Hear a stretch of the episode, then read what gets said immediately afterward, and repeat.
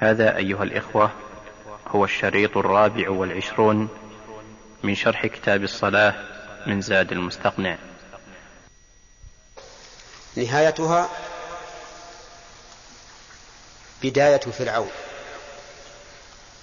وهي ادعاء الربوبية وأنه الرب. ولكن من حكمة الله عز وجل أن الله سبحانه وتعالى يعطيه آيات فيها الفتن فيها الفتن العظيمة. فإنه يأتي إلى القوم يدعوهم فيتبعونه فيصبحون وقد نبتت أراضيهم وشبعت مواشيهم فتعود إليهم أوفر ما تكون لبنا وأسبغه ضروعا يعني أنهم يعيشون برغد لأنهم اتبعوه. ويأتي القوم فيدعون فلا يتبعونه فيدعوهم فلا يتبعونه فيصبحون ممحلين. ما في أراضيهم شيء. وهذه فتنة عظيمة لا سيما في الأعراب. الأعرابي يفتتن بهذا افتتانا عظيما. ويمر بالخربة يمر بالخربة فيقول أخرجي كنوزك. أمر. أخرجي كنوزك. فتخرج كنوزها تتبعه كيعاصيب النحل تتبع من ذهب وفضة وغيره بدون آلات وبدون شيء. فتنة من الله عز وجل. فالفتنة عظيمة جدا. ثم مع ذلك هذه هذه حال معاملته لأهل الدنيا اللي بيتمتع في الدنيا أو يبأس فيها أما المآل فإن الله تعالى جعل معه جنة ونارا. جنة ونارا بحسب رؤيا العين. لكن جنته نار وناره جنة. من أطاعه أدخله هذه الجنة فيما يرى الناس. ولكنها نار محرقة والعياذ بالله. ومن عصاه أدخله النار فيما يراه الناس ولكنها جنة وماء عذب طيب. إذن يحتاج الأمر إلى تثبيت من الله عز وجل. إن لم يثبت الله المرء هلك وضل. فيحتاج إلى أن يثبت الله المرء على دينه ثباتا قويا تاما. يخرج إليه رجل من الناس شاب. فيقول له أنت الدجال الذي ذكر ذكر لنا رسول الله صلى الله عليه وسلم. يقول ذلك. فيدعوه فيأبى أن يتبعه. فيأمر ويشق هذا الإنسان نصفين. نصفين ويجعل نصفا هنا ونصفا هنا ويمشي بينهما تحقيقا للتباين تباين جسده بعضه عن بعض. ثم يدعوه قم يا فلان. فيقوم يتهلل وجهه. يقوم في الحال. ويقول أنت الدجال الذي ذكر لنا رسول الله صلى الله عليه وسلم. الله دره. ما يخاف. ثم يقتله ثانية ويمر بين آه، شقيه ثم يدعوه فيقوم يتهلل ويقول أشهد ويقول أنت الدجال الذي ذكر لنا رسول الله صلى الله عليه وسلم. ثم يأتي ليقتله فلا يسلط عليه. يعجز. يعجز عن قتله. ولن يسلط على أحد بعده. فهذا من أعظم الناس شهادة عند الله. لأنه في هذا المقام العظيم الرهيب الذي لا يتصوره لا نتصوره نحن على هذا المكان أو في هذا المكان. لا يتصور رهبته إلا من باشره. إلا من باشر المقام رهيب عظيم. ومع ذلك يصرح على الملأ. إعذارا وإنذارا. بأنك أنت الدجال الذي ذكر لنا رسول الله صلى الله عليه وسلم. هذا هذه هذه حاله. وما يدعو إليه. ولكن هذه المحنة العظيمة لا تدوم. وهو الوجه الرابع الذي نتكلم عنه. مقدار لبثه في الأرض. أربعون يوما فقط. لكن يوم كسنة ويوم كشهر ويوم كجمعة وسائر أيامه كأيامنا. هكذا حدث النبي صلى الله عليه وسلم. قال الصحابة رضي الله عنهم يا رسول الله هذا اليوم الذي كسنه أتكفينا فيه صلاة يوم واحد؟ قال لا اقدروا له قدره. انظروا يا إخواني إلى هذا المثال لتأخذوا منه عبرة. كيف كان تصديق أصحاب رسول الله صلى الله عليه وسلم لرسول الله؟ ما ذهبوا يحرفون أو يؤولون أو يقولون إن اليوم لا يمكن أن يطول لأن الشمس تجري في فلكها ولا تتغير ولكنه يطول لشد لكثرة المشاق فيه ولعظم المشاق فيه. فهو يطول لأنه متعب. ما قالوا هكذا؟ كما يقوله بعض المتحذلقين بماذا صدقوا؟ صدقوا بأن هذا اليوم سيكون اثني عشر شهرا حقيقة. بدون تحريف وبدون تأويل. وهكذا حقيقة المؤمن. ينقاد لما أخبر الله به ورسوله من أمور الغيب وإن لم وإن حار فيها عقله. وإن حار فيها عقله. لكن يجب أن تعلم أن خبر الله ورسوله لا يكون فيما فيما يكون محالا في العقول لكن فيما يكون حيرة في العقول. يعني العقول تتحير لأنها ما تدركه لكن لا يمكن أن يكون شيئا محالا.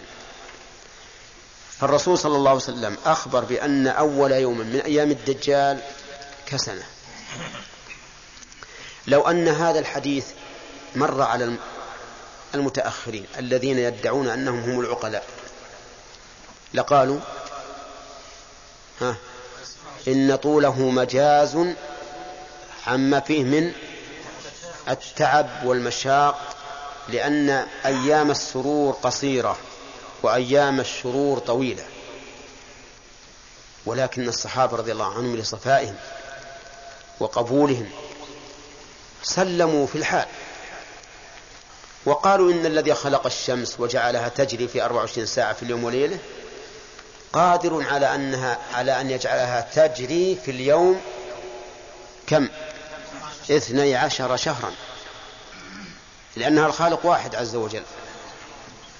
فهو قادر ولذلك سلموا وقالوا كيف نصلي؟ ما سألوا عن الأمر الكوني لأنهم يعلمون أن قدرة الله فوق مستواهم. سألوا عن الأمر الشرعي الذي هم مكلفون به وهو الصلاة. وهذا والله حقيقة الانقياد والقبول. قالوا كيف نصلي؟ قال اقدروا له قدره. وسبحان الله العظيم إذا تأملت أن هذا الدين تام كامل لا يمكن أن تكون مسألة يحتاج الناس إليها إلى يوم القيامة إلا وجد لها أصل. كيف أنطق الله عز وجل الصحابة أن يسألوا هذا السؤال؟ ما قالوا نصبر حتى يأتي ذاك اليوم نشوف نبحث. أنطقهم الله حتى يكون الدين كاملا. ما يحتاج إلى تكميل. وقد احتاج الناس إلى هذا الآن. الآن المناطق القطبية يبقى الليل فيها ستة أشهر والنهار ستة أشهر. نحتاج إلى هذا الحديث ولا ما نحتاج؟ نحتاج. شوف كيف أفتى الرسول عليه الصلاة والسلام هذه الفتوى قبل أن تقع هذه المشكلة. لأن الله تعالى قال في كتابه اليوم أكملت لكم دينكم وأتممت عليكم نعمتي. والله لو نتأمل كلمة أكملت لكم دينكم لعلمنا أنه ما يوجد شيء ناقص في الدين أبدا. كامل من كل وجه لكن النقص فينا.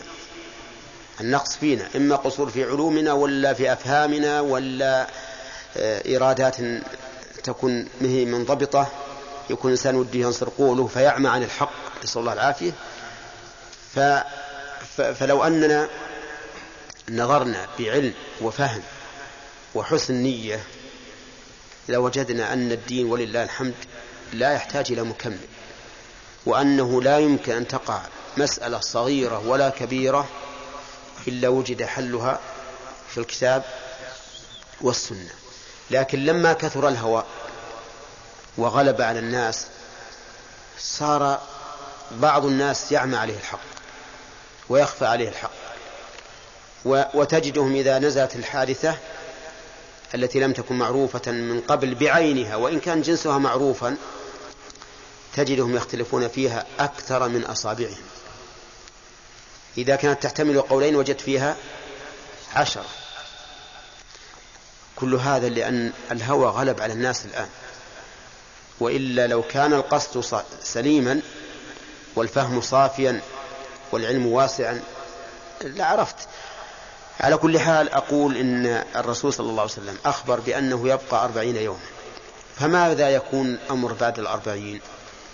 ينزل المسيح عيسى بن مريم الذي رفعه الله إليه ينزل وقد جاء في الأحاديث أنه ينزل عند المنارة البيضاء في دمشق أو عليها. النسيان مني. ينزل فلا يحل لكافر يجد ريحه إلا مات. وهذه من آيات الله. يموت. يلحق الدجال عند باب اللد. اللد الآن في فلسطين عند اليهود. فيقتله هناك. وحينئذ يقضي عليه نهائيا. ولا يقبل عليه الصلاة والسلام إلا الإسلام. لا يقبل الجزية. ويكسر الصليب. ويقتل الخنزير. ويريق الخمر. حتى ولا يقبل إلا الإسلام فقط. لا يعبد إلا الله. وعلى هذا فالجزية التي شرعها الإسلام جعل الإسلام لها أمدا تنتهي إليه. متى؟ نزول عيسى. ولا يقال إن, إن هذا تشريع من عيسى لأن الرسول صلى الله عليه وسلم أخبر بذلك مقررا له. فوضع الجزية عند نزول عيسى من سنة الرسول عليه الصلاة والسلام. لأن سنة الرسول صلى الله عليه وسلم قوله وفعله وإقراره وكونه يتحدث عن عيسى بن مريم مقرا له هذا من سنته.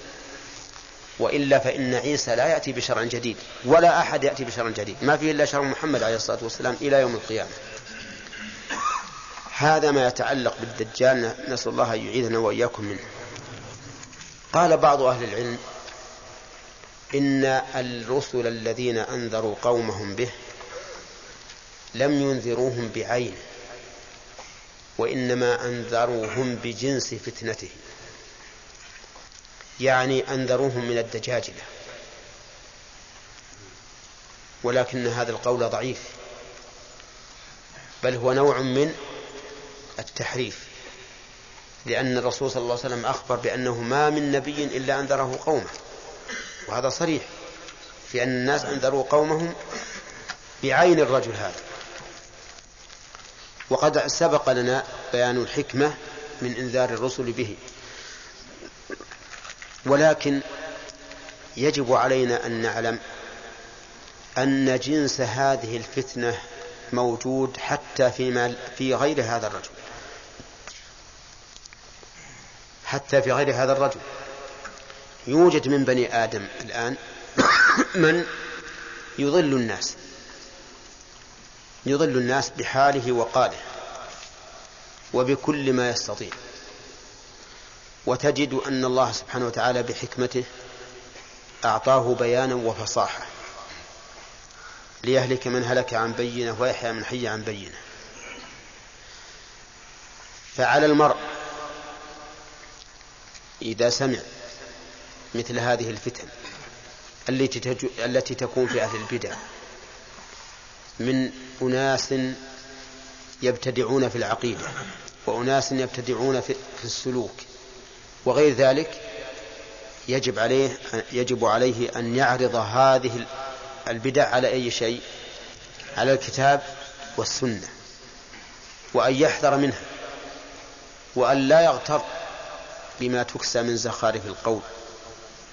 فإن هذه الزخارف كما قيل فيها حجج تهافت كالزجاج تخالها حقا وكل كاسر مكسور. فالدجال المعين لا شك أن فتنته أعظم شيء لكن هناك دجاجلة يدجلون على الناس ويموهون عليهم فيجب الحذر منه. ومعرفة إراداتهم ونواياهم. ولهذا قال الله تعالى في المنافقين هم العدو فاحذرهم. مع أنه قال وإن يقولوا تسمع لقولهم يعني بيانه فصاحته عظمه يجرك جرا إلى أن تسمع لكن كأنهم خشب مسندة ما فيهم خير. حتى الخشب ما هي قائمة بنفسها مسندة تقوم على الجدار فهي لا خير فيها. يحسبون كل صيحة عليهم هم العدو فاحذرهم. فهؤلاء الذين يتزينون للناس بأساليب القول سواء في العقيدة أو في السلوك والمنهج يجب الحذر منهم وأن تعرض أقوالهم على وأفعالهم على كتاب الله وسنة رسوله صلى الله عليه وسلم فما خالفهما فهو باطل مهما كان. ولا تقولن إن هؤلاء القوم أعطوا فصاحة وبيانا لينصروا الحق فإن الله تعالى قد يبتلي قد يبتلي فيعطي الإنسان فصاحة وبيانا وإن كان على باطل. كما ابتلى الله الناس بالدجال وهو على باطل بلا شك. طيب بقي علينا بحث صغير. هل الدجال من بني آدم؟ نعم. نعم هو من بني آدم. وبعض العلماء لكن أقوال يقول إنه شيطان. وبعضهم يقول ان ابوه انسي وأمه جنية. على كل حمانة هذه كلها أقوال ما هي صحيحة. فالذي يظهر أن الدجال أن الدجال من من بني آدم وأنه كبني آدم يحتاج الاكل والشرب وغير ذلك. ولهذا يقتله عيسى قتلا عاديا كما يقتل البشر. يقول ومن فتنة المحيا والممات ومن فتنة المسيح الدجال. نعم لا لا ما وجد. لأن الرسول صلى الله عليه وسلم في آخر حياته خطب الناس وقال إنه على رأس مئة سنة. لا يبقى على وجه الأرض ممن هو عليها اليوم أحد. وهذا خبر. والخبر لا يدخل الكذب نهائيا خبر النبي عليه الصلاة والسلام. وهو متلقى من الوحي لأن الرسول صلى الله عليه وسلم لا يعلم مثل هذا الغيب. فهو غير موجود. لكن الله يبعثه متى شاء. نعم. فيه نظر. حديث تميم فيه نظر. أي نعم. الأخ عبد الرحمن يقول هذا ليس وقت السؤال. نعم. طيب.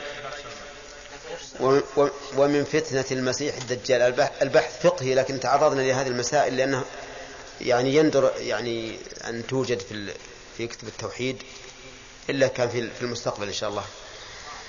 ومن فتنة المسيح الدجال. نعم. يقول ويدعو بما ورد. ويدعو بما ورد. ليت المؤلف قال ويدعو بما أحب. لأن النبي صلى الله عليه وسلم لما ذكر حديث ابن مسعود التشهد قال ثم ليتخير من الدعاء ما شاء. لكن يمكن أن نجيب عن كلام المؤلف فنقول إنه ينبغي أن يبدأ الإنسان بما ورد لأن الدعاء الوارد خير من الدعاء المصطنع الذي أنت تقول فإذا وجد دعاء وارد فالتزامه أولا ثم تدعو بما شئت. ومما ورد في هذا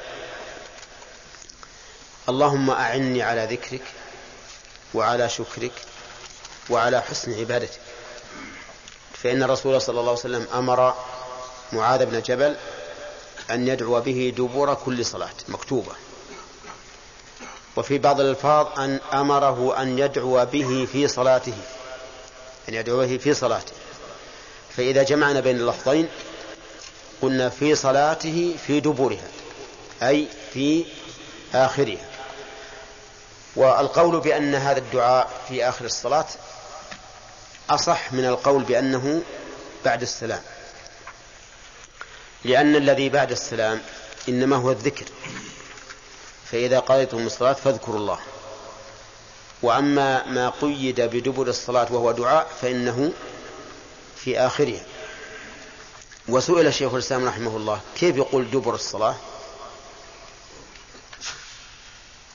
فقال دبر الشيء منه كدبر الحيوان. فإن الحيوان له دبر ودبره في في نفس الجسم. فكذلك دبر الصلاة يكون من الصلاة.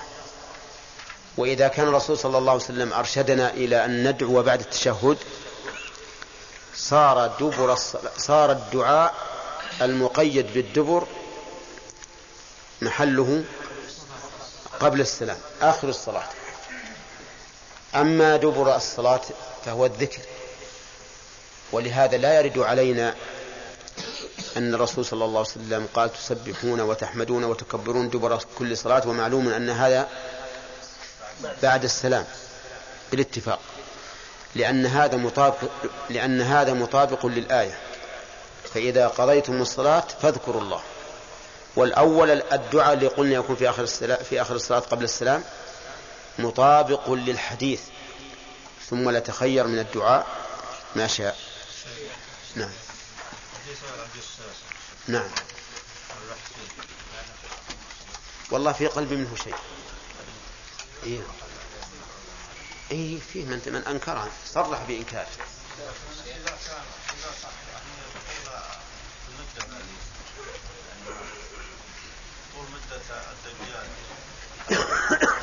ها؟ الله على كل شيء قدير. الله على كل شيء قدير لكن الحديث الذي ذكرت لكم في الصحيحين. لا يبقى على وجه الأرض من هو عليه اليوم أحد. نعم. قلنا تفسير القافئة قلنا قافية وقافئة نعم.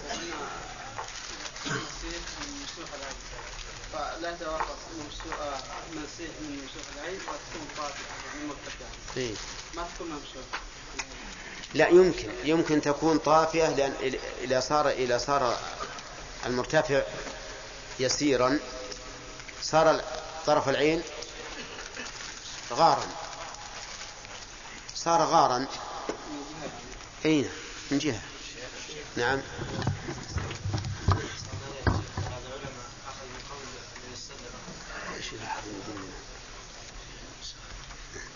نعم.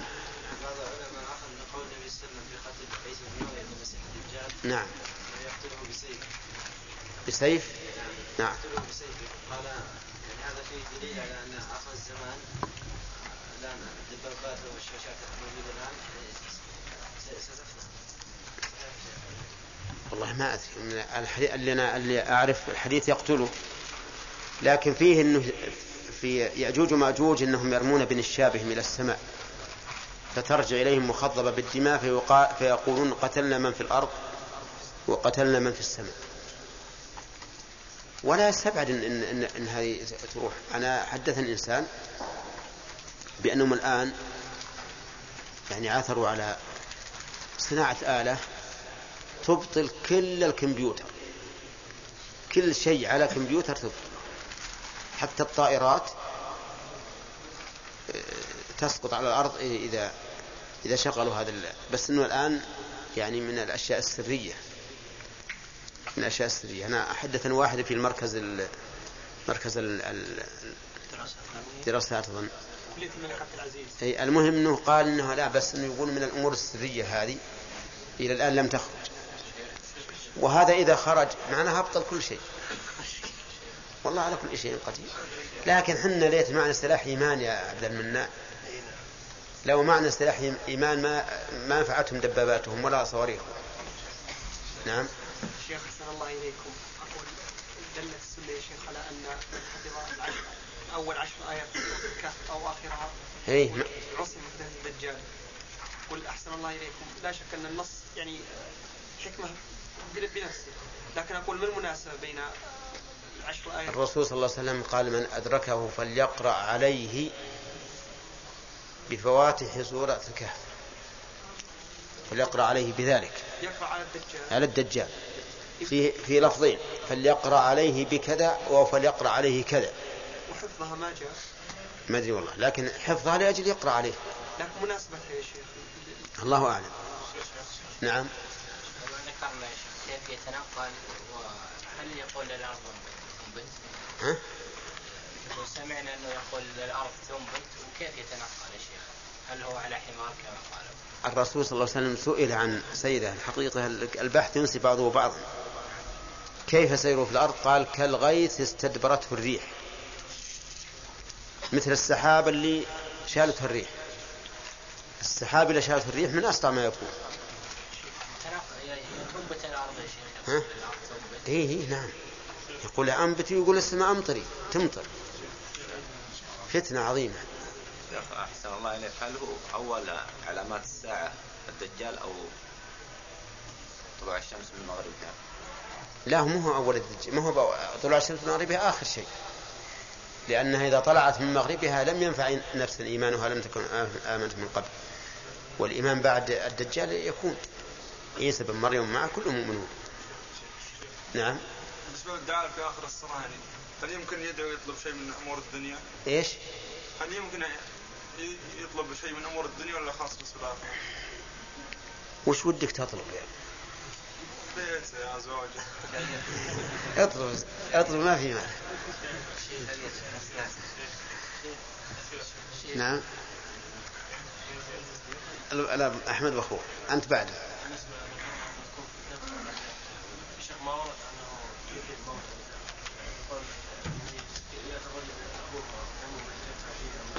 هذه ما رأيتها لكن قضية الشاب هذا حيا موتى. ها؟ ذكرنا هذا. نعم. ما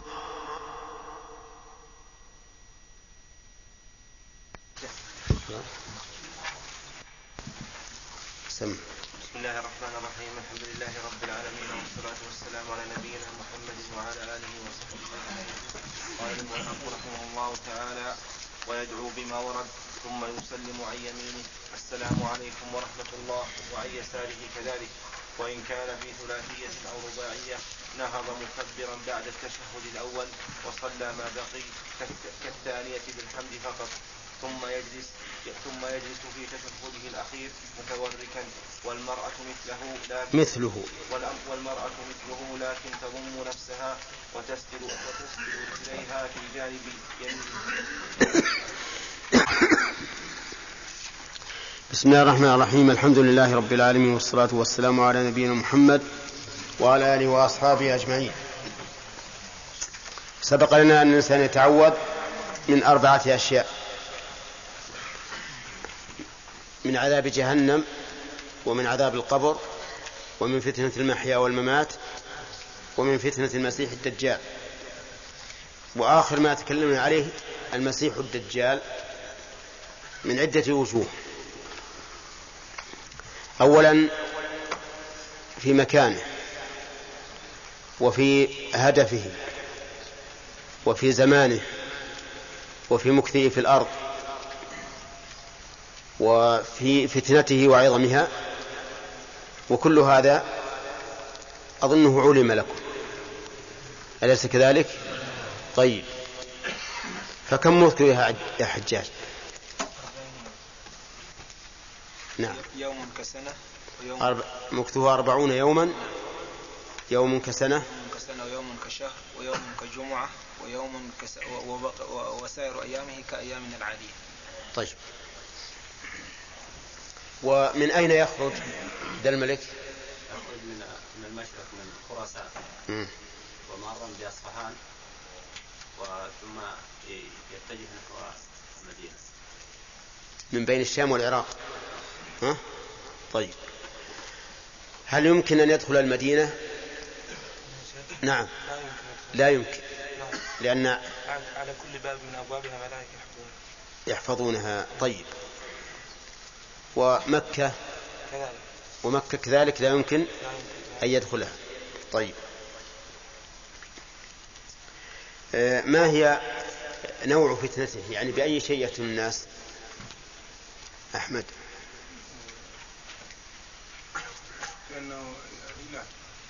يدعوهم إلى إلى عبادته. و- وتأليهه. كذا؟ طيب. وهل يبرر ذلك تلك الدعوة حسين؟ هل يبرر هذه الدعوة؟ بماذا؟ ما هي؟ أو اذكر شيئا منها. المطر الكنوز نعم. والجنة؟ جنة ونار معه. نعم طيب. هل جنته حق الأخ؟ نعم. وناره؟ ليس كذلك. إذا ما جنته؟ أي نعم. وناره؟ وناره جنة. طيب. الإحياء عليان. إحياء الموتى. صورة المسألة. أن يأتي إلى يأتي شاب. ثم يقول أنت رجل أنت المسيح الدجال الذي أخبرنا عنك رسول الله صلى الله عليه وسلم. فيقتله فيشقه نصفين ثم يمر بينه ثم أيضا يمر به ثم يعود كما كان ثم يقول له أنت المسيح الدجال الذي أخبرنا بك رسول الله صلى الله عليه وسلم. ثم يكررها ثم يريد أن يقتله فلا يستطيع أن يقتله ولا يقتل أحدا بعده. نعم. هو أنه يأتيه هذا الرجل الشاب ويقول أنت ال- الدجال الذي ذكر لنا رسول الله صلى الله عليه وسلم فيأمر به فيضرب ويشج ويوسع بطنه وظهره ضربا ثم يعيد عليه المساءلة الثانية ثم يقول له أنت الدجال الذي أخبرنا أو ذكر لنا رسول الله صلى الله عليه وسلم فيشق نصفين ويمشي بينهما. وأنا ذكرت لكم في الدرس الماضي أنه يفعل به هذا مرتين ولكن المرة الأولى ليست قتلا إنما هي شج شج وضرب فقط. طيب هذا اليوم الذي كسنة علي كيف يصنع, الناس فيه من جهة الصلاة ومن جهة الصيام؟ سأل الصحابة الرسول صلى الله عليه وسلم كيف أيكفينا صلاة واحدة؟ قال اقدروا له قدره. يعني اقدروا للصلاة قدرها نعم. كل فرض يأتي يحسب من الزمن العادي اللي كان يصلى فيصلون. ثم يصلون بعده. في هذا اليوم يصلون عدة صلوات يعني. يعني يصلون صلاة سنة كاملة. سنة كاملة نعم. وهي في الشهر؟ وفي الشهر كذلك يقدرون له قدره صلاة شهر صلاة كامل كامل وفي الأسبوع وفي الأسبوع كذلك نعم. طيب ما, ما نهايته يا غانم؟ نهاية الدجال هو أن ينزل عيسى بن مريم عليه الصلاة والسلام فيقتل فيقتله وينتهي أمره طيب. أعطانا رسول الله صلى الله عليه وسلم فيه علامة وهي أنه أعور العين اليمنى كأن عينه عنب طائفة طافئة أو طافية. وعلامة أخرى أنه مكتوب بين عينيه كافر وكتبت في ال- في الحديث كاف راء يقرأها كل مؤمن. يقرأ أو ما يقرأ. ويعمى عنها الكافر والمنافق. طيب لم يفصح المؤلف بحكم هذه الاستعاذة. هل هي واجبة أو لا؟ ولكن سيأتينا إن شاء الله بيان أنها ليست واجبة. لأن المؤلف رحمه الله سيذكر فيما بعد الأركان والواجبات وما عداها فهو سنن وهو لم يذكر هذه في الواجبات ولا في الأركان وعلى هذا فيكون التعوذ بالله من هذه الأربع سنة وهذا هو المشهور عند أكثر أهل العلم ومنهم الأئمة الثلاثة وعن الإمام أحمد رحمه الله رواية أن التعوذ من هذه الأربع واجب لأن النبي صلى الله عليه وسلم أمر به ولأن هذه الأشياء الأربعة أمرها عظيم وشأنها كبير فكانت جديرة بأن تفرض على المسلمين ليقولوها في صلاتهم ليستعيذوا بالله منها في صلاتهم. لأن خطرها من أعظم الخطر وإذا نجا الإنسان منها فقد نجا فعلى هذا نقول المسألة المسألة فيها قولان لأهل العلم أي في وجوب التعوذ بالله من هذه. من هذه الأربع فيه قولان لأهل العلم القول الأول أن ذلك واجب لأمر النبي صلى الله عليه وسلم ولشدة خطرها وعظمها والقول الثاني أنها سنة وهذا هو الذي عليه جمهور العلماء.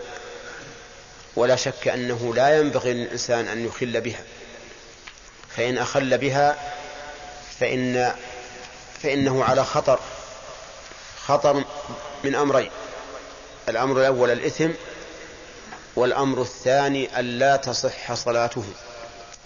ولهذا كان بعض السلف يأمر بإعادة الصلاة على من لم يتعوذ بالله منها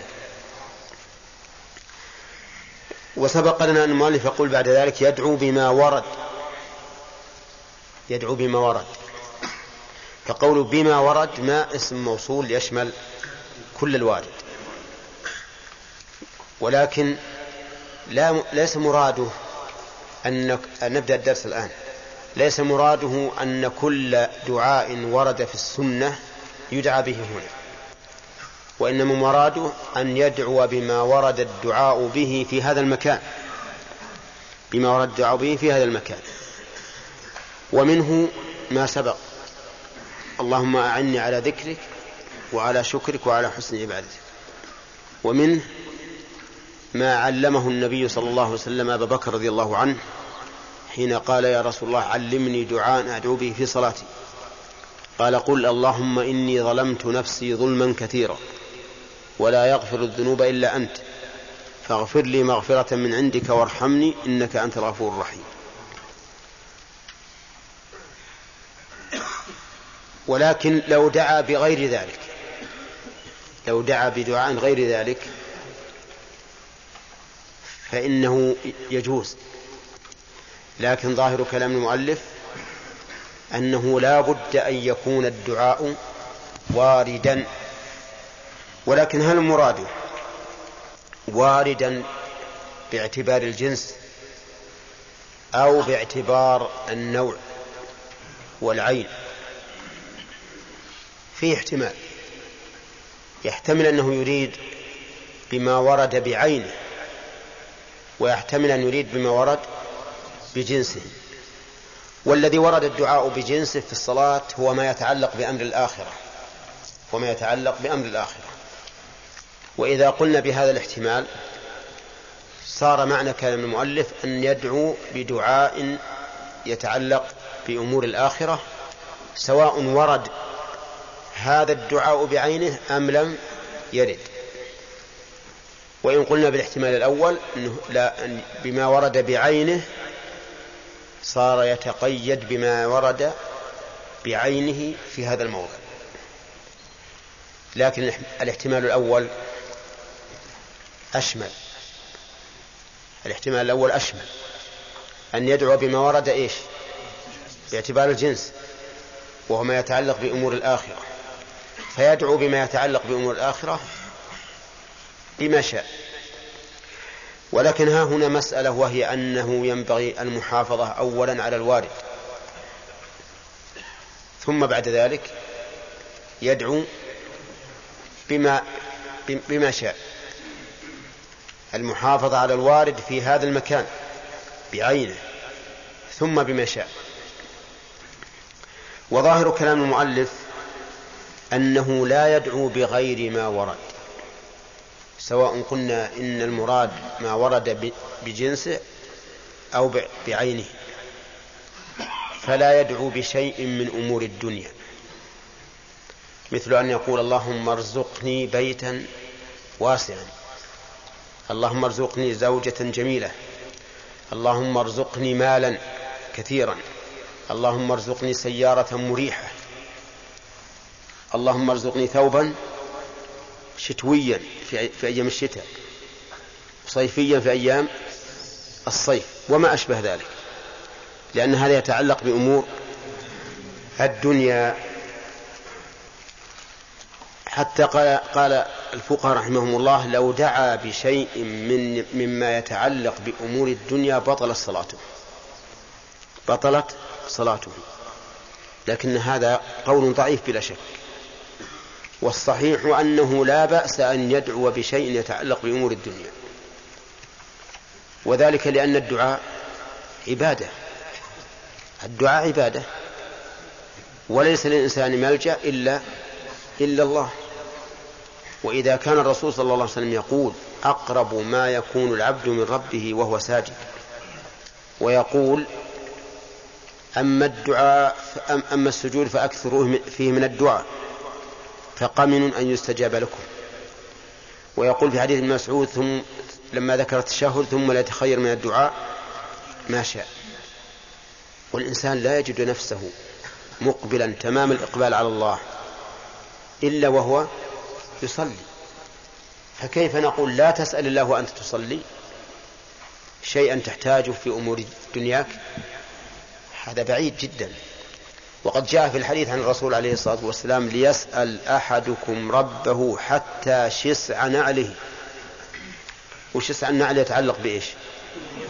بأمور الدنيا. فالصواب بلا شك أنه يدعو بعد التشهد بما شاء من خير الدنيا والآخرة. وأجمع ما ما يدعى به في ذلك ربنا آتنا في الدنيا حسنة وفي الآخرة حسنة وقنا عذاب النار. فإن هذه جامعة لخير الدنيا والآخرة. في الدنيا حسنة وفي الآخرة حسنة وقنا عذاب النار. طيب قولنا إنه يدعو على القول الراجح بما شاء. هل يجوز الدعاء لمعين؟ بأن يقول اللهم اجز فلانا عني خيرا أو اللهم اغفر لفلان. الجواب؟ نعم يجوز. يجوز لأن هذا دعاء. وإذا كان الرسول صلى الله عليه وسلم ثبت عنه أنه دعا على قوم معينين ودعا لقوم معينين فدعا للمستضعفين في مكة ودعا على الطغاة في مكة. لكنه نهي عن الدعاء للطغاة باللعن إنما دعا صلى الله عليه وسلم لمعين. فيجوز أن تدعو لمعين وأنت في صلاتك سواء كان أباك أم, أم أمك أم أخاك أم أي إنسان تحب أن تدعو له. قال ويدعو ما ورد. لكن لو دعا لشخص بصيغة الخطاب فقال تذكره تذكر وهو يصلي فقال غفر الله لك يا يا شيخ الإسلام ابن تيمية. غفر الله لك يا شيخ الإسلام ابن تيمية. فهل تبطل صلاته؟ الفقهاء يقولون تبطل. لأنه أتى بكاف الخطاب. والخطاب لا يجوز في الصلاة لأن الرسول صلى الله عليه وسلم يقول إن هذه الصلاة لا يصلح فيها شيء من كلام الناس. ولم يستثنوا إلا النبي عليه الصلاة والسلام. إلا النبي عليه الصلاة والسلام قالوا إنه تخاطبه السلام عليك أيها النبي. أما غيره لا تأتي له بكاف الخطاب مطلقا. ولكن هذا القول فيه شيء من في النفس منه شيء. وذلك لأنك إذا قلت غفر الله لك يا فلان وأنت تصلي فإنك لا تشعر بأنك تخاطبه أبدا. ولكن تشعر بأنك مستحضر له غاية الاستحضار حتى كأنه أمامك.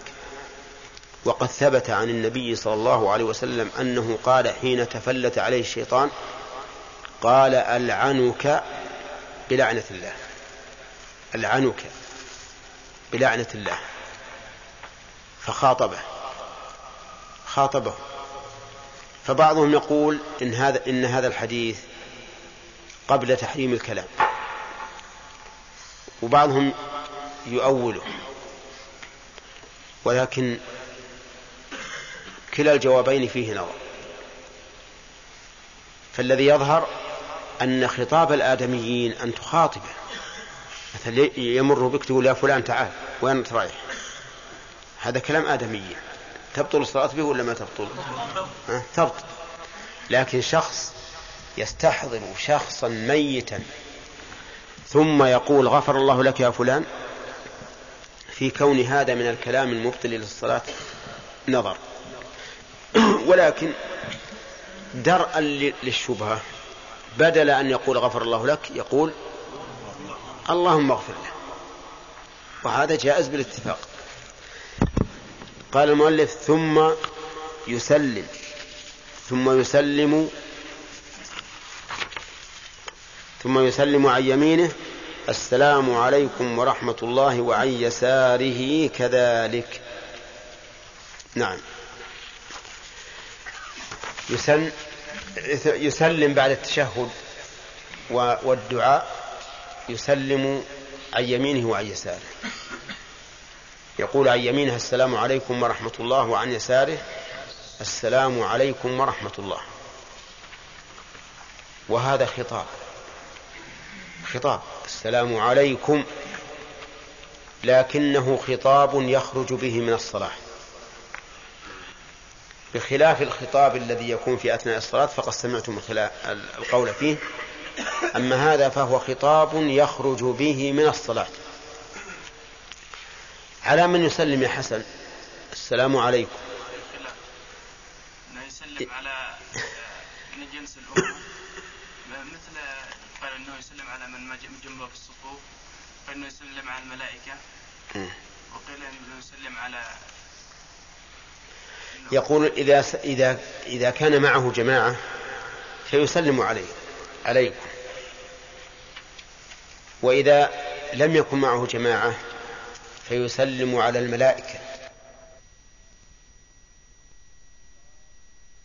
خطاب لا يجوز في الصلاة لأن الرسول صلى الله عليه وسلم يقول إن هذه الصلاة لا يصلح فيها شيء من كلام الناس. ولم يستثنوا إلا النبي عليه الصلاة والسلام. إلا النبي عليه الصلاة والسلام قالوا إنه تخاطبه السلام عليك أيها النبي. أما غيره لا تأتي له بكاف الخطاب مطلقا. ولكن هذا القول فيه شيء من في النفس منه شيء. وذلك لأنك إذا قلت غفر الله لك يا فلان وأنت تصلي فإنك لا تشعر بأنك تخاطبه أبدا ولكن تشعر بأنك مستحضر له غاية الاستحضار حتى كأنه أمامك.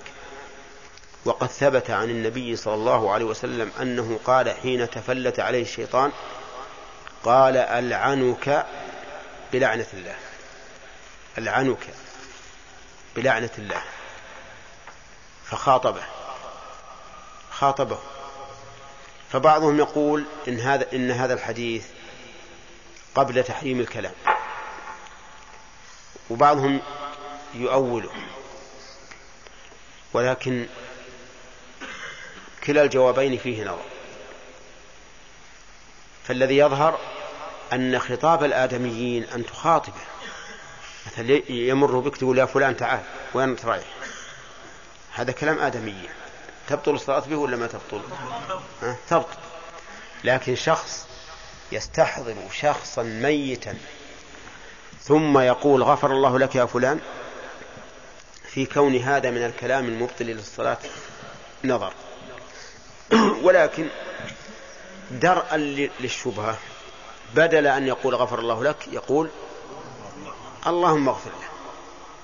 وهذا جائز بالاتفاق. قال المؤلف ثم يسلم ثم يسلم ثم يسلم عن يمينه السلام عليكم ورحمة الله وعن يساره كذلك. نعم. يسلم بعد التشهد والدعاء يسلم عن يمينه وعن يساره.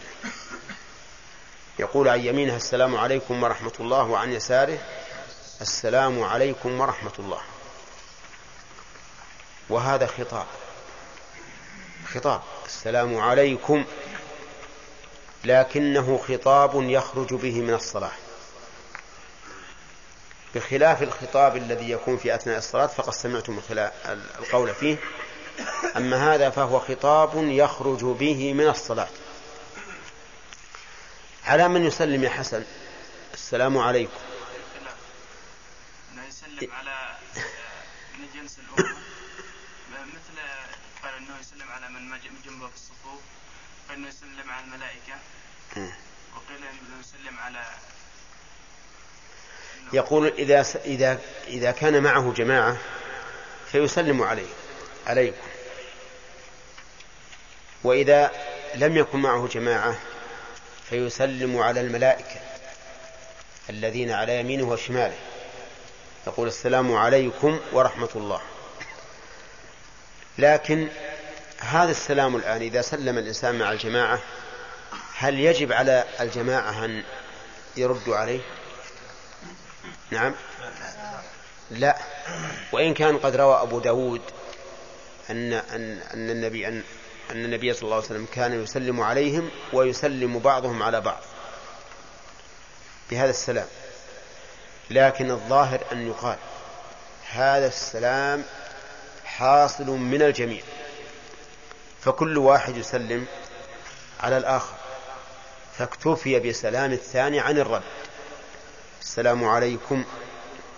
الثاني يقول السلام عليكم. هذا هو أقرب ما يقال في رد هذا هذا السلام. وإلا فلا شك أنه أن أن المأمومين يسلم بعضهم على بعض بهذا. كما قال النبي عليه الصلاة والسلام حينما كانوا يرفعون أيديهم يؤمون بها قال ما قال ما لي أراكم؟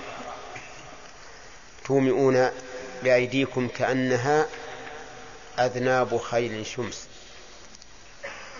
إنما كان يكفي أحدكم أن يقول السلام عليكم من على يمينه ومن على شماله السلام عليكم. وهذا يدل على أن هذا السلام يقصد به السلام على من بجانبه لكن لكنه لما كان كل واحد يسلم على الثاني اكتفي بهذا عن الرد. قال السلام عليكم ورحمة الله سبق شرحها في ها؟ في التشهد. السلام عليك أيها النبي ورحمة الله. قال وعن يساره كذلك. يقول السلام عليكم ورحمة الله. وها هنا بحث السلام. أولا لو قال سلام عليكم بدون أل هل يجزئ؟ الجواب نعم لكن السنة أن يكون بأل لأن هذا هو الذي جاء جاء, جاء به الحديث. فيقول السلام عليكم. الثاني لو جاء بالإفراد. قال السلام عليك ورحمة الله. فإنه لا يجزي. لقول النبي صلى الله عليه وسلم من عمل عملا ليس عليه أمرنا فهو رد. ولوجود الفرق بين الإفراد وبين الجمع. ولو قال السلام عليكم فقط. فهل يجزئ؟ فيه خلاف بين العلماء منهم من قال لا يجزئ ومنهم من قال يجزئ. منهم من قال يجزئ لأنه قد ورد في حديث رواه النسائي أشرت إليه قبل قليل أن يقول أحدكم من على يمينه وعلى شماله السلام عليكم بدون ذكر ورحمة الله وعلى هذا فتكون رحم فيكون قوله ورحمة الله سنة وليس بواجب. ومنها من البحث السلام هل يزيد على ذلك؟ فيقول السلام عليكم ورحمة الله وبركاته.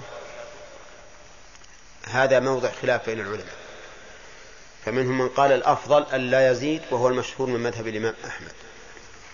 أن لا يزيد على قوله ورحمة الله.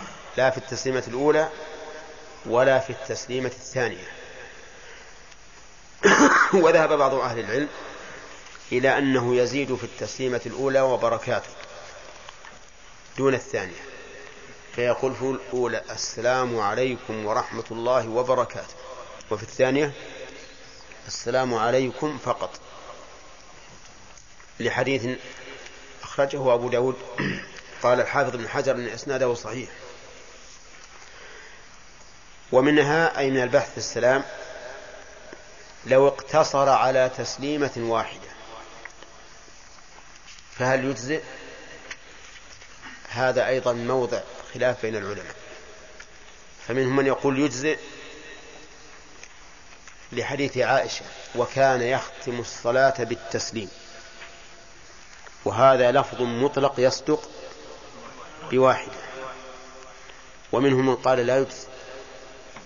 وأن وأن ألف التسليم للعهد الذهني أي بالتسليم المعهود وهو السلام عليكم ورحمة الله اليمين والسلام عليكم ورحمة الله من اليسار. واستدلوا لذلك بقوله في الحديث الذي رواه النسائي أشرنا قبل قليل إنما كان يكفي أحدكم أن يقول السلام عليكم من على يمينه ومن على شماله.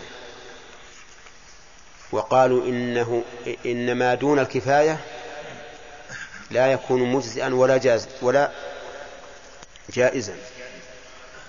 لأنه إذا قال يكفيك كذا معناه ما دونه لا يكفي. وهذا هو المشهور من مذهب الحنابلة وأنه لا بد من التسليمتين. ولا يجوز أن يخل بهما. واستدلوا أيضا بمحافظة النبي صلى الله عليه وسلم على التسليمتين. وقالوا إن محافظته عليهما حضرا وسفرا في حضور البوادي والأعراب والعالم والجاهل يدل على أنه لا بد منهما. ويرشح ذلك قوله صلوا كما رأيتموني أصلي. وقال بعض أهل العلم تجزئ واحدة في النفل دون الفرض. لأنه ورد عن النبي عليه الصلاة والسلام أنه سلم في, التس... في الوتر تسليمة واحدة تلقاء وجهه. وقالوا إن النفل قد يخفف فيه ما لا يخفف في الفرض. وعلى هذا فتجزئ التسليمة الواحدة في النفل دون الفرض. فهذه أقوال ثلاثة هل لا بد من التسليمتين في الفرض والنفل كما هو المشهور من من المذهب؟ أو تجزئ تسليمة واحدة في الفرض والنفل؟ أو تجزئ تسليمة واحدة في النفل دون الفرض؟ على كل حال الاحتياط في من الأقوال الثلاثة هو أن يسلم مرتين. لأنه إذا سلم مرتين لم يقل أحد من أهل العلم أن صلاتك باطلة. ولو سلم مرة واحدة لقال له من أهل العلم من يقول إن صلاتك باطلة. ومن المعلوم أن النبي صلى الله عليه وسلم أمر بالاحتياط فيما لم يتضح فيه الدليل. فقال عليه الصلاة والسلام الحلال بين والحرام بين وبينهما أمور مشتبهات. فمن اتقى الشبهات استبرأ لدينه وعرضه ومن وقع في الشبهات وقع في الحرام. وقال عليه الصلاة والسلام دع ما يريبك إلى ما لا يريبك. وأنت إذا أتيت بالتسليمة الثانية فقد أتيت بذكر تتقرب به إلى الله عز وجل وتسلم به من أن يقال إن صلاتك باطلة. على أن الذين قالوا بوجوب التسليمتين في الفرض والنفل قالوا إن فعل الرسول عليه الصلاة والسلام قضية قضية عين تحتمل النسيان أو غير ذلك فلا يقدم هذا الفعل على القول الذي قال إنما كان يكفي أحدكم أن يقول كذا. ولكن هذا الاحتمال فيه نظر لأن الأصل في فعل الرسول صلى الله عليه وسلم إيش؟ التشريع وعدم النسيان. ولا سيما أنه سلم واحدة تلقاء وجهه على خلاف العادة مما يدل على أنه أرادها قصدا. أرادها قصدا. لكن كما قلت الاحتياط أن يسلم مرتين في الفرض والنفل قال وإن كان في ثلاثية أو رباعية نهض مكبرا بعد التشهد الأول. إن كان في ثلاثية أو رباعية ثلاثية مثل المغرب. رباعية كالظهر والعصر والعشاء. نهض مكبرا مكبرا حال من فاعل نهض تدل على أنه يكون التكبير في حال النهوض وهو كذلك. لأن جميع التكبيرات ما عدا تكبيرة الإحرام كلها محلها ما بين الركنين. محلها ما بين الركنين. فيكون مكبرا حال النهوض. قال مكبرا ناهضا كيف؟ نهض مكبرا بعد التشهد الأول. والتشهد الأول ينتهي عند قوله أشهد أن لا إله إلا الله وأشهد أن محمدا عبده ورسوله. وظاهر كلام المؤلف أنه لا يرفع يديه. لأنه قال لأنه لم يقل ويرفع يديه. وهذا هو المشهور من المذهب. أنه لا يرفع يديه إذا قام من التشهد الأول. لأن مواضع رفع اليدين على المذهب ثلاثة فقط. عند تكبيرة الإحرام وعند الركوع وعند الرفع منه. ولكن الصحيح أنه يرفع يديه أنه يرفع يديه. لأنه صح عن ابن عمر رضي الله عنهما عن النبي صلى الله عليه وسلم. وعلى هذا فالقول الراجح في هذه المسألة أنه يرفع يديه إذا قام من التشهد الأول. ولأنه انتقال من نوع إلى نوع آخر في الصلاة. فإن الركعتين الأوليين يشرع فيهما ما لا يشرع في الركعتين الأخريين. فلما كان هذا انتقال من نوع إلى من, من نوع إلى نوع صار من الحكمة أن يميز هذا الانتقال بالرفع. كأنه صلاة جديدة وإن لم تكن جديدة لكنها لتميزها عن الركعتين الأوليين صار يركع ولكن متى يكون الرفع؟ يكون الرفع إذا قام. لأن لفظ الحديث يكبر حين يقوم. وليس يكبر وهو جالس ثم ينهض. قصدي وليس يرفع وهو جالس ثم ينهض. لأن هذا الرفع مع التكبير والتكبير لا يكون إلا بعد النهوض. يعني في في حال النهوض وعليه فيكون التكبير إذا قام لأن لفظ الحديث يكبر حين يقوم يكبر حين يقوم من الركعتين بعد الجلوس. ومعلوم أن كلمة حين يقوم ليس معناه حين ينهض إذ أن بينهما فرقا. فمن توهم أنه يرفع وهو جالس فليصحح وهمه. بل, بل الرفع يكون إذا انتهى قائما. يقول رحمه الله وصلى ما بقي كالثانية بالحمد فقط. وصلى ما بقي كالثانية. إيش الثانية؟ أي كالركعة الثانية. يعني فليس فيه تكبيرة إحرام ولا استفتاح ولا تعوذ ولا تجديد نية. طيب يقول بالحمد لا لأنه قال كالثانية لكن قال بالحمد. هذا الذي أخرج قراءة السورة. قال بالحمد فقط. تمتاز الركعتان هاتان عن الأوليين أنه يقتصر فيهما على الحمد. وأنه يسر فيهما بالقراءة. حتى في الصلاة الجهرية يسر فيهما بالقراءة. فهما في الحقيقة ركعتان من نوع جديد. وقول المؤلف بالحمد فقط يعني لا يزيد. وهذا هو مقتضى حديث أبي قتادة رضي الله عنه. الثابت في الصحيحين. أن النبي صلى الله عليه وسلم كان يقرأ في الركعتين الأخرين بفاتحة الكتاب فقط. ولكن في حديث أبي سعيد الخدري ما يدل على أن الركعتين الأخريين يقرأ فيهما. لأنه ذكر أن الرسول عليه الصلاة والسلام كان يقرأ في الركعتين الأوليين بسورة ولا يطول الأولى على الثانية. ويقرأ في الركعتين الأخريين بنصف ذلك.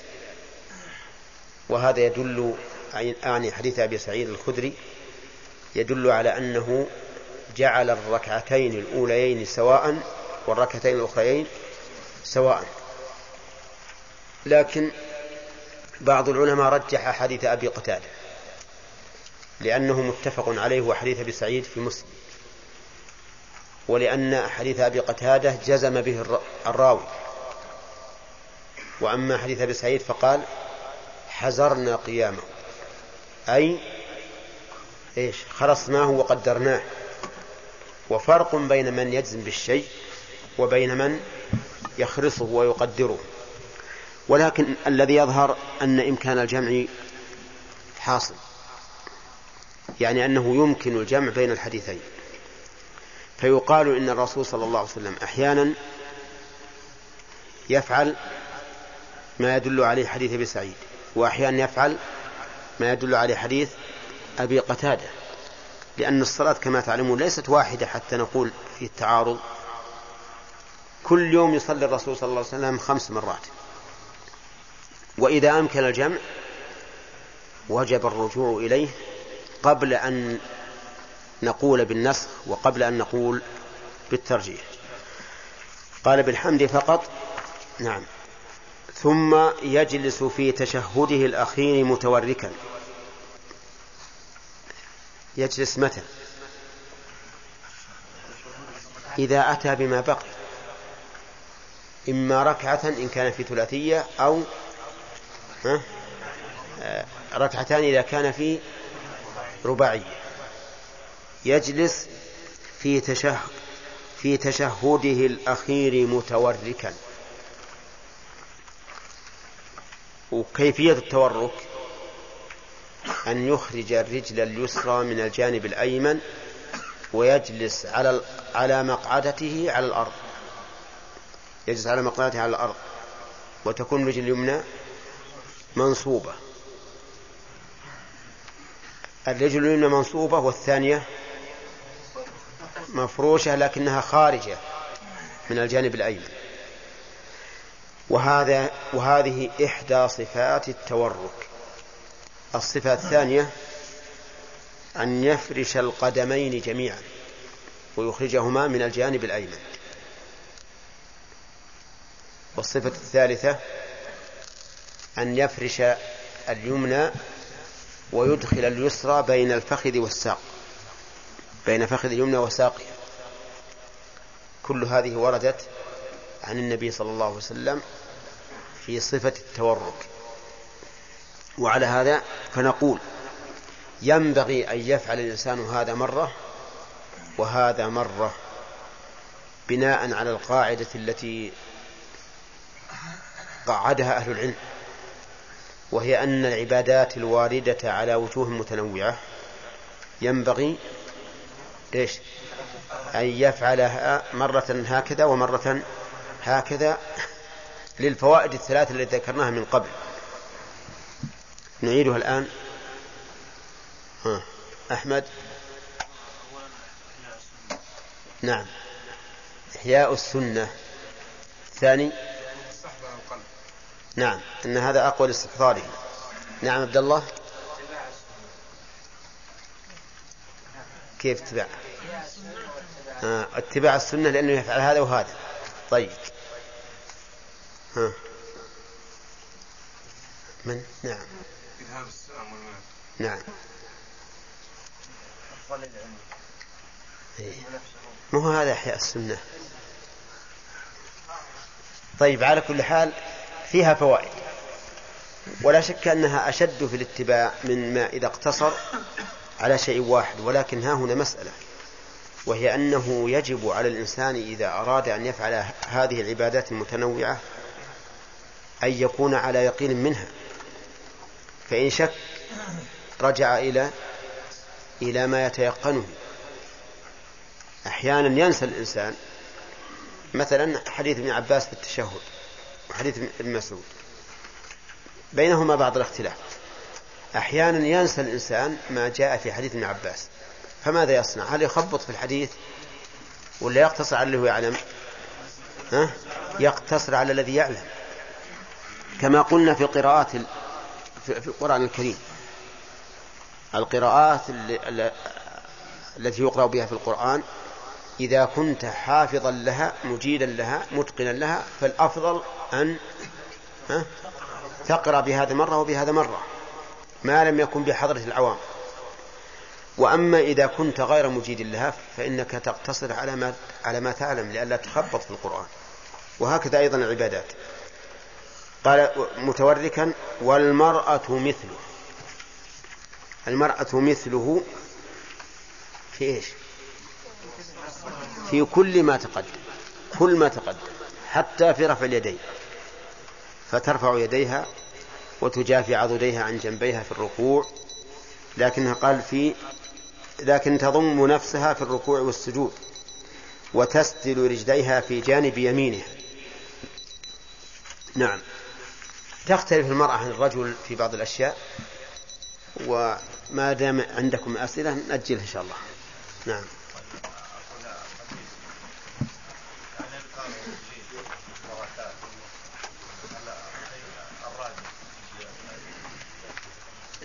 أي لا يعني في, في التسليمة الأولى فقط.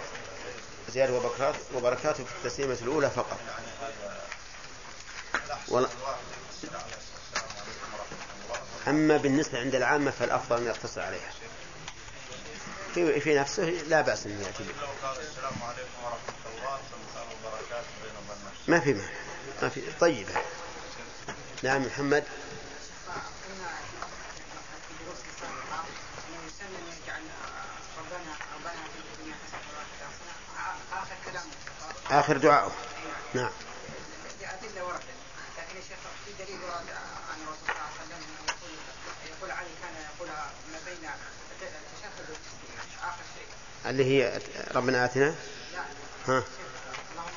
ما قدمت وما أخرت وما أسرت وما أعلنت نعم.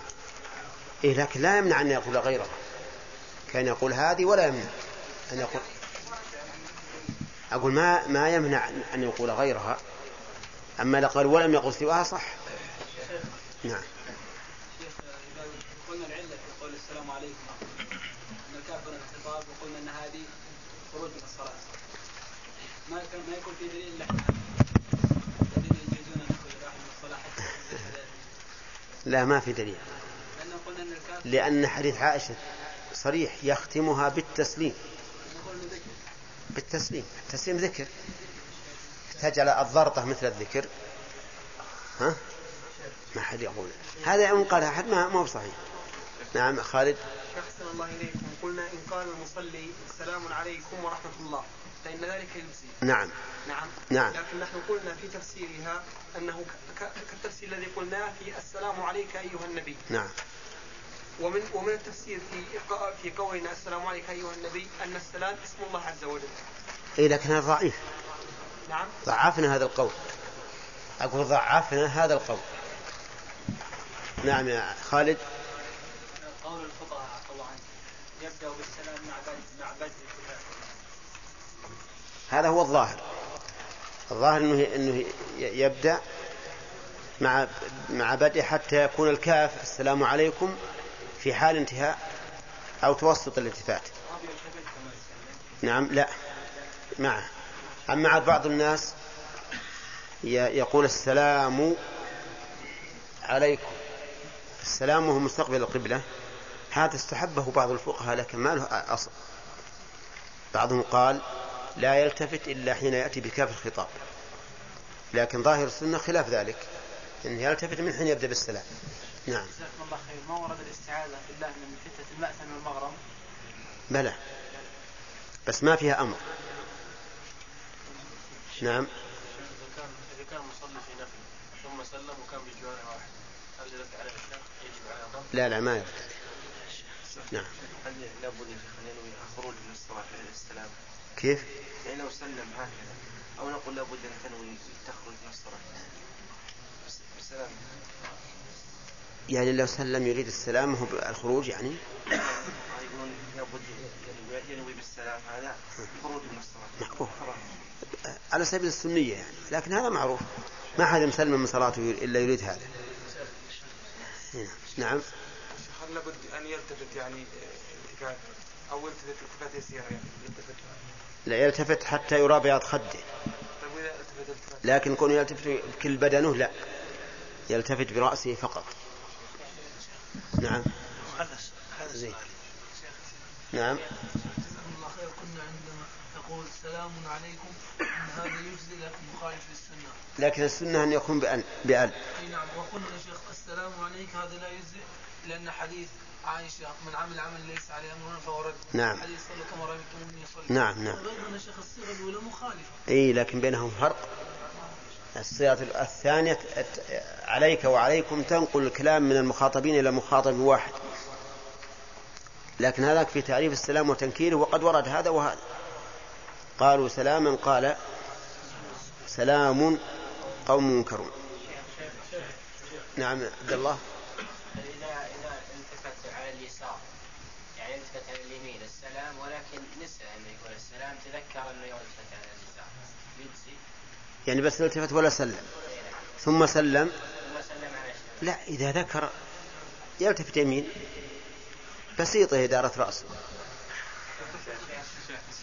نعم سامي قلت التشهد يا شيخ انه التشهد الأول ينتهي عند لفظ الشهاده نعم.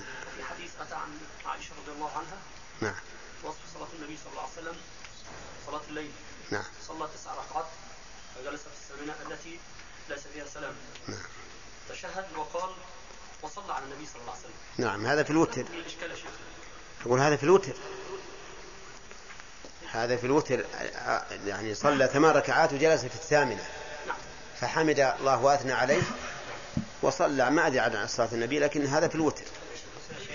ثبت في لا لا ما هو ما ثبت في النفل الوتر له أحكام خاصة ولذلك تسر- تسرد فيه ثمان ثمان ركعات بل تسع ركعات وخمس ركعات وسبع ركعات وغيره ما يفعل عبد الرحمن بعض الناس يسلم على اليمين ثم يعني يعود ويقف قليلا ثم يسلم على اليسار. ثم إيش؟ يسلم على اليمين إيه. ثم يستقبل القبلة يعني قليلا ثم يسلم على اليسار يعني إيه.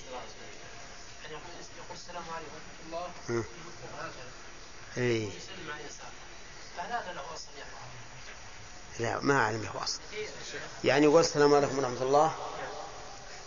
السلام عليكم ورحمة الله. كذا؟ اي نعم ما له أصل. هذا ما له أصل. اي نعم. نعم. السلام عليكم ورحمة الله وبركاته. في في الثاني ولا في في واحدة؟ في الأولى فقط. على اليمين فقط. الحمد لله قال رحمه الله تعالى والمرأة مثل تضم نفسها وتسجد رجليها في جانب يمينها فصل ويكره في الصلاة صلاته ورفع بصره إلى السماء وتغميض عينيه وإقعاؤه وافتراش ذراعيه ساجدا وعبثه وتخصره وتروحه وفرقعة أصابعه وتشبيكها وأن يكون حاقنا أو بحضرة طعام يشتهيه وتكرار الفاتحة. لا جمع سور في فرق كنفل. بس. بسم الله الرحمن الرحيم. الحمد لله رب العالمين والصلاة والسلام على نبينا محمد وعلى آله وأصحابه ومن تبعهم بإحسان إلى يوم الدين.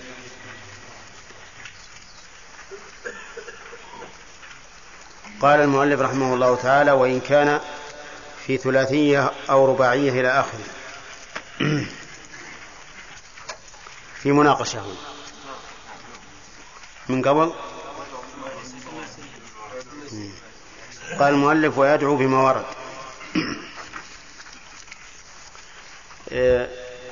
قول بما ورد يا بندر. ذكرنا أنه ينبغي أن تبدل هذه العبارة بماذا؟ بما أحب لماذا؟ لأن النبي صلى الله عليه وسلم ورد عنه في الحديث ثم يتخير من الدعاء أعجبه إليه أو نعم. طيب. حديث ابن مسعود.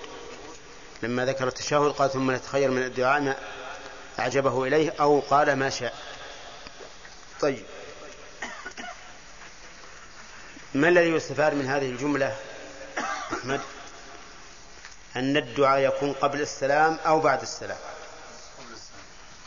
قبل السلام. كذا؟ طيب. ما رأيك في من اعتادوا أن يدعو بعد الصلاة إما في النافلة أو في الفريضة. هذا ما تكلمنا عليها؟ تكلمنا عليه.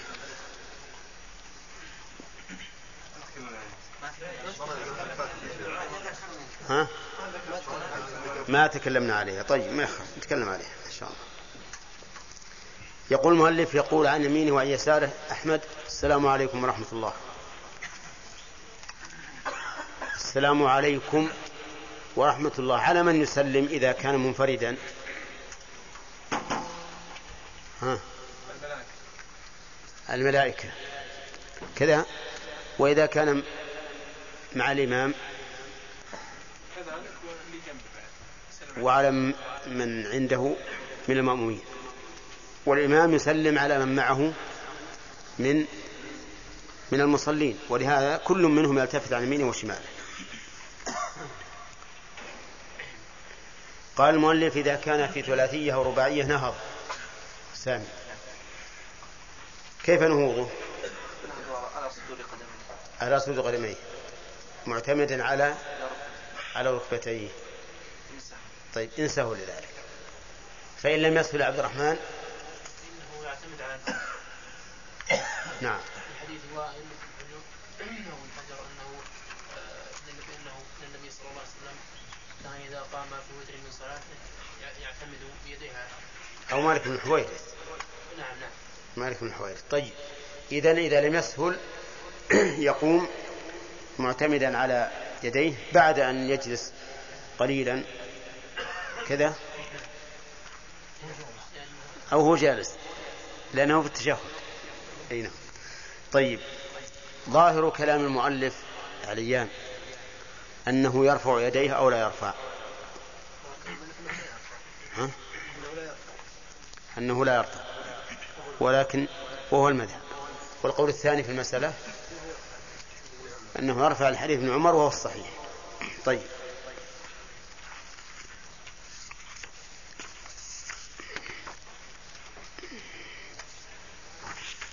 يقول المؤلف إنه بعد التشهد الأول يقرأ مع الفاتحة كم سورة؟ يقرا الفاتحه فقط الفاتحة فقط؟ ها؟ في الثالثة يقرا الفاتحة فقط طيب هل ذكرنا نحن في هذا شيئا؟ نعم ذكرنا في حديث أبي أبي أبي سعيد نعم ورد أنه الرسول صلى الله عليه وسلم كان يقرأ ورد ما ظاهره أنه كان يقرأ في الركعتين الأخريين. نصف ما يقرأ في الركعتين الأوليين. ها؟ طيب. وفي حديث أبي قتادة كان يقرأ الحمد فقط. الحمد فقط. طيب قول يا محمد شميمي هل هذا من باب اختلاف التنوع؟ أو اختلاف التضاد وحينئذ نلجأ إلى الترجيح. لا قلنا يا شيخ أنه من باب اختلاف التنوع ويمكن الجمع فنفعل هذا تارة نقرأ بالحمد فقط ونقرأ بسورة قصيرة تارة أخرى إيه. كذا يا جماعة وفي قول ثاني؟ قول ثاني إنه يختصر يرجح حديث آه، حديث- أبي أبي قتادة. نعم. آه، أنه هو الراجح لأنه متيقن أما حديث أبي سعيد فهو فيه تخمين وتب... ف- يقول حذرنا حذرا نعم. طيب هذا وجه وجه ثاني الترجيح وجه ثاني الترجيح أن أبا قتادة حديث أبي قتادة. أن أبا قتادة هو الراجح. أن حديث أبي قتادة هو الراجح. وجه الترجيح هو الراجح. لا وجه الترجيح هذا الحكم. أي نعم. ها. قال أن لأنه نص على على قراءة الفاتحة. سلامك. هذا هو الم- الوجه الأول اللي أنت قلت. نعم يا أحمد. أنا يا شيخ في الصحيحين. أي. حديث ابن قتادة بينما حديث أبي سعيد في صحيح مسلم فقط. أحسنت. طيب. وذكر ابن القيم حين بقى في معرض التقسيم. نعم. فيكون أولى. فيعني يدل على أن كل ذكر كل قسم وذكر ما يختص بالقسم كيف التقسيم؟ يعني قال أنه كان يفعل في ركعتين كذا وكذا في ركعتين ثانيتين كذا وكذا فقسم الصلاة وذكر لكل قسم ما كان يفعله. وهذاك أيضا قسم حتى حديث أبي سعيد مقسم إي نعم. طيب حديث أبي سعيد يا سامي. ظاهره أن قراءة الركعتين الاولين سواء. سواء. يكون أطولها الركعتين في الظهر الأولين. ثم الركعتين الأخرين. ثم العصر أقل من الأخرين. ثم الركعتين الأخرين في العصر أقل. فتكون درجات. طيب. يقول المؤلف إنه يجلس في التشهد الأخير يا حسين. كيف التورك نعم له ثلاث صور. ها.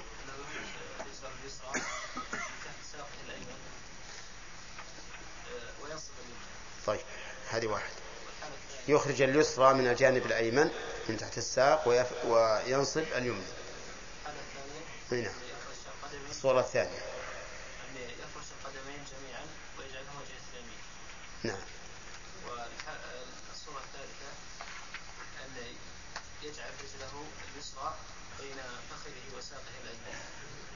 واليمنى مفروشة لا ما مفروشة لا منصوبة صعب جدا ما نعم. لا هذا أهو. طيب. التورك هل هو في كل تشهد يعقبه سلام؟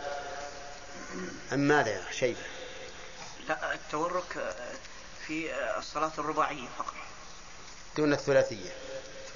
في الصلاة الرباعية والثلاثية دون الثنائية.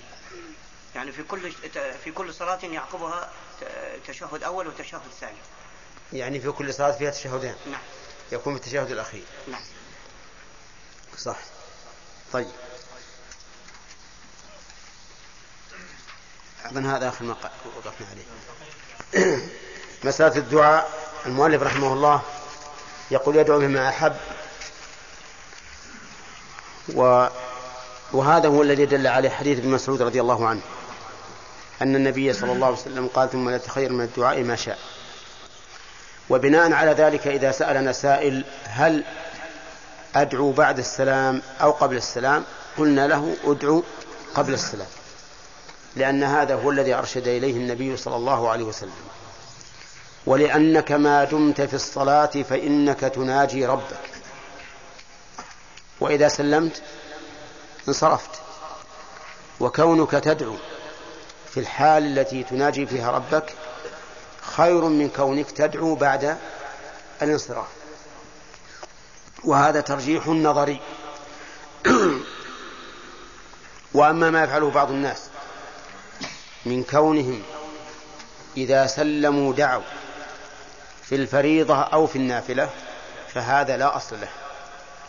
ولم يرد عن النبي صلى الله عليه وسلم فيما نعلم إلا حين وضع كفار قريش سل الناقة عليه وهو ساجد فإنه لما سلم رفع يديه يدعو عليه. وهذا قد يقال إنه فعل ذلك لمناسبة وهي تخويفهم. لأنه لو دعا وهو يصلي ما علموا بذلك.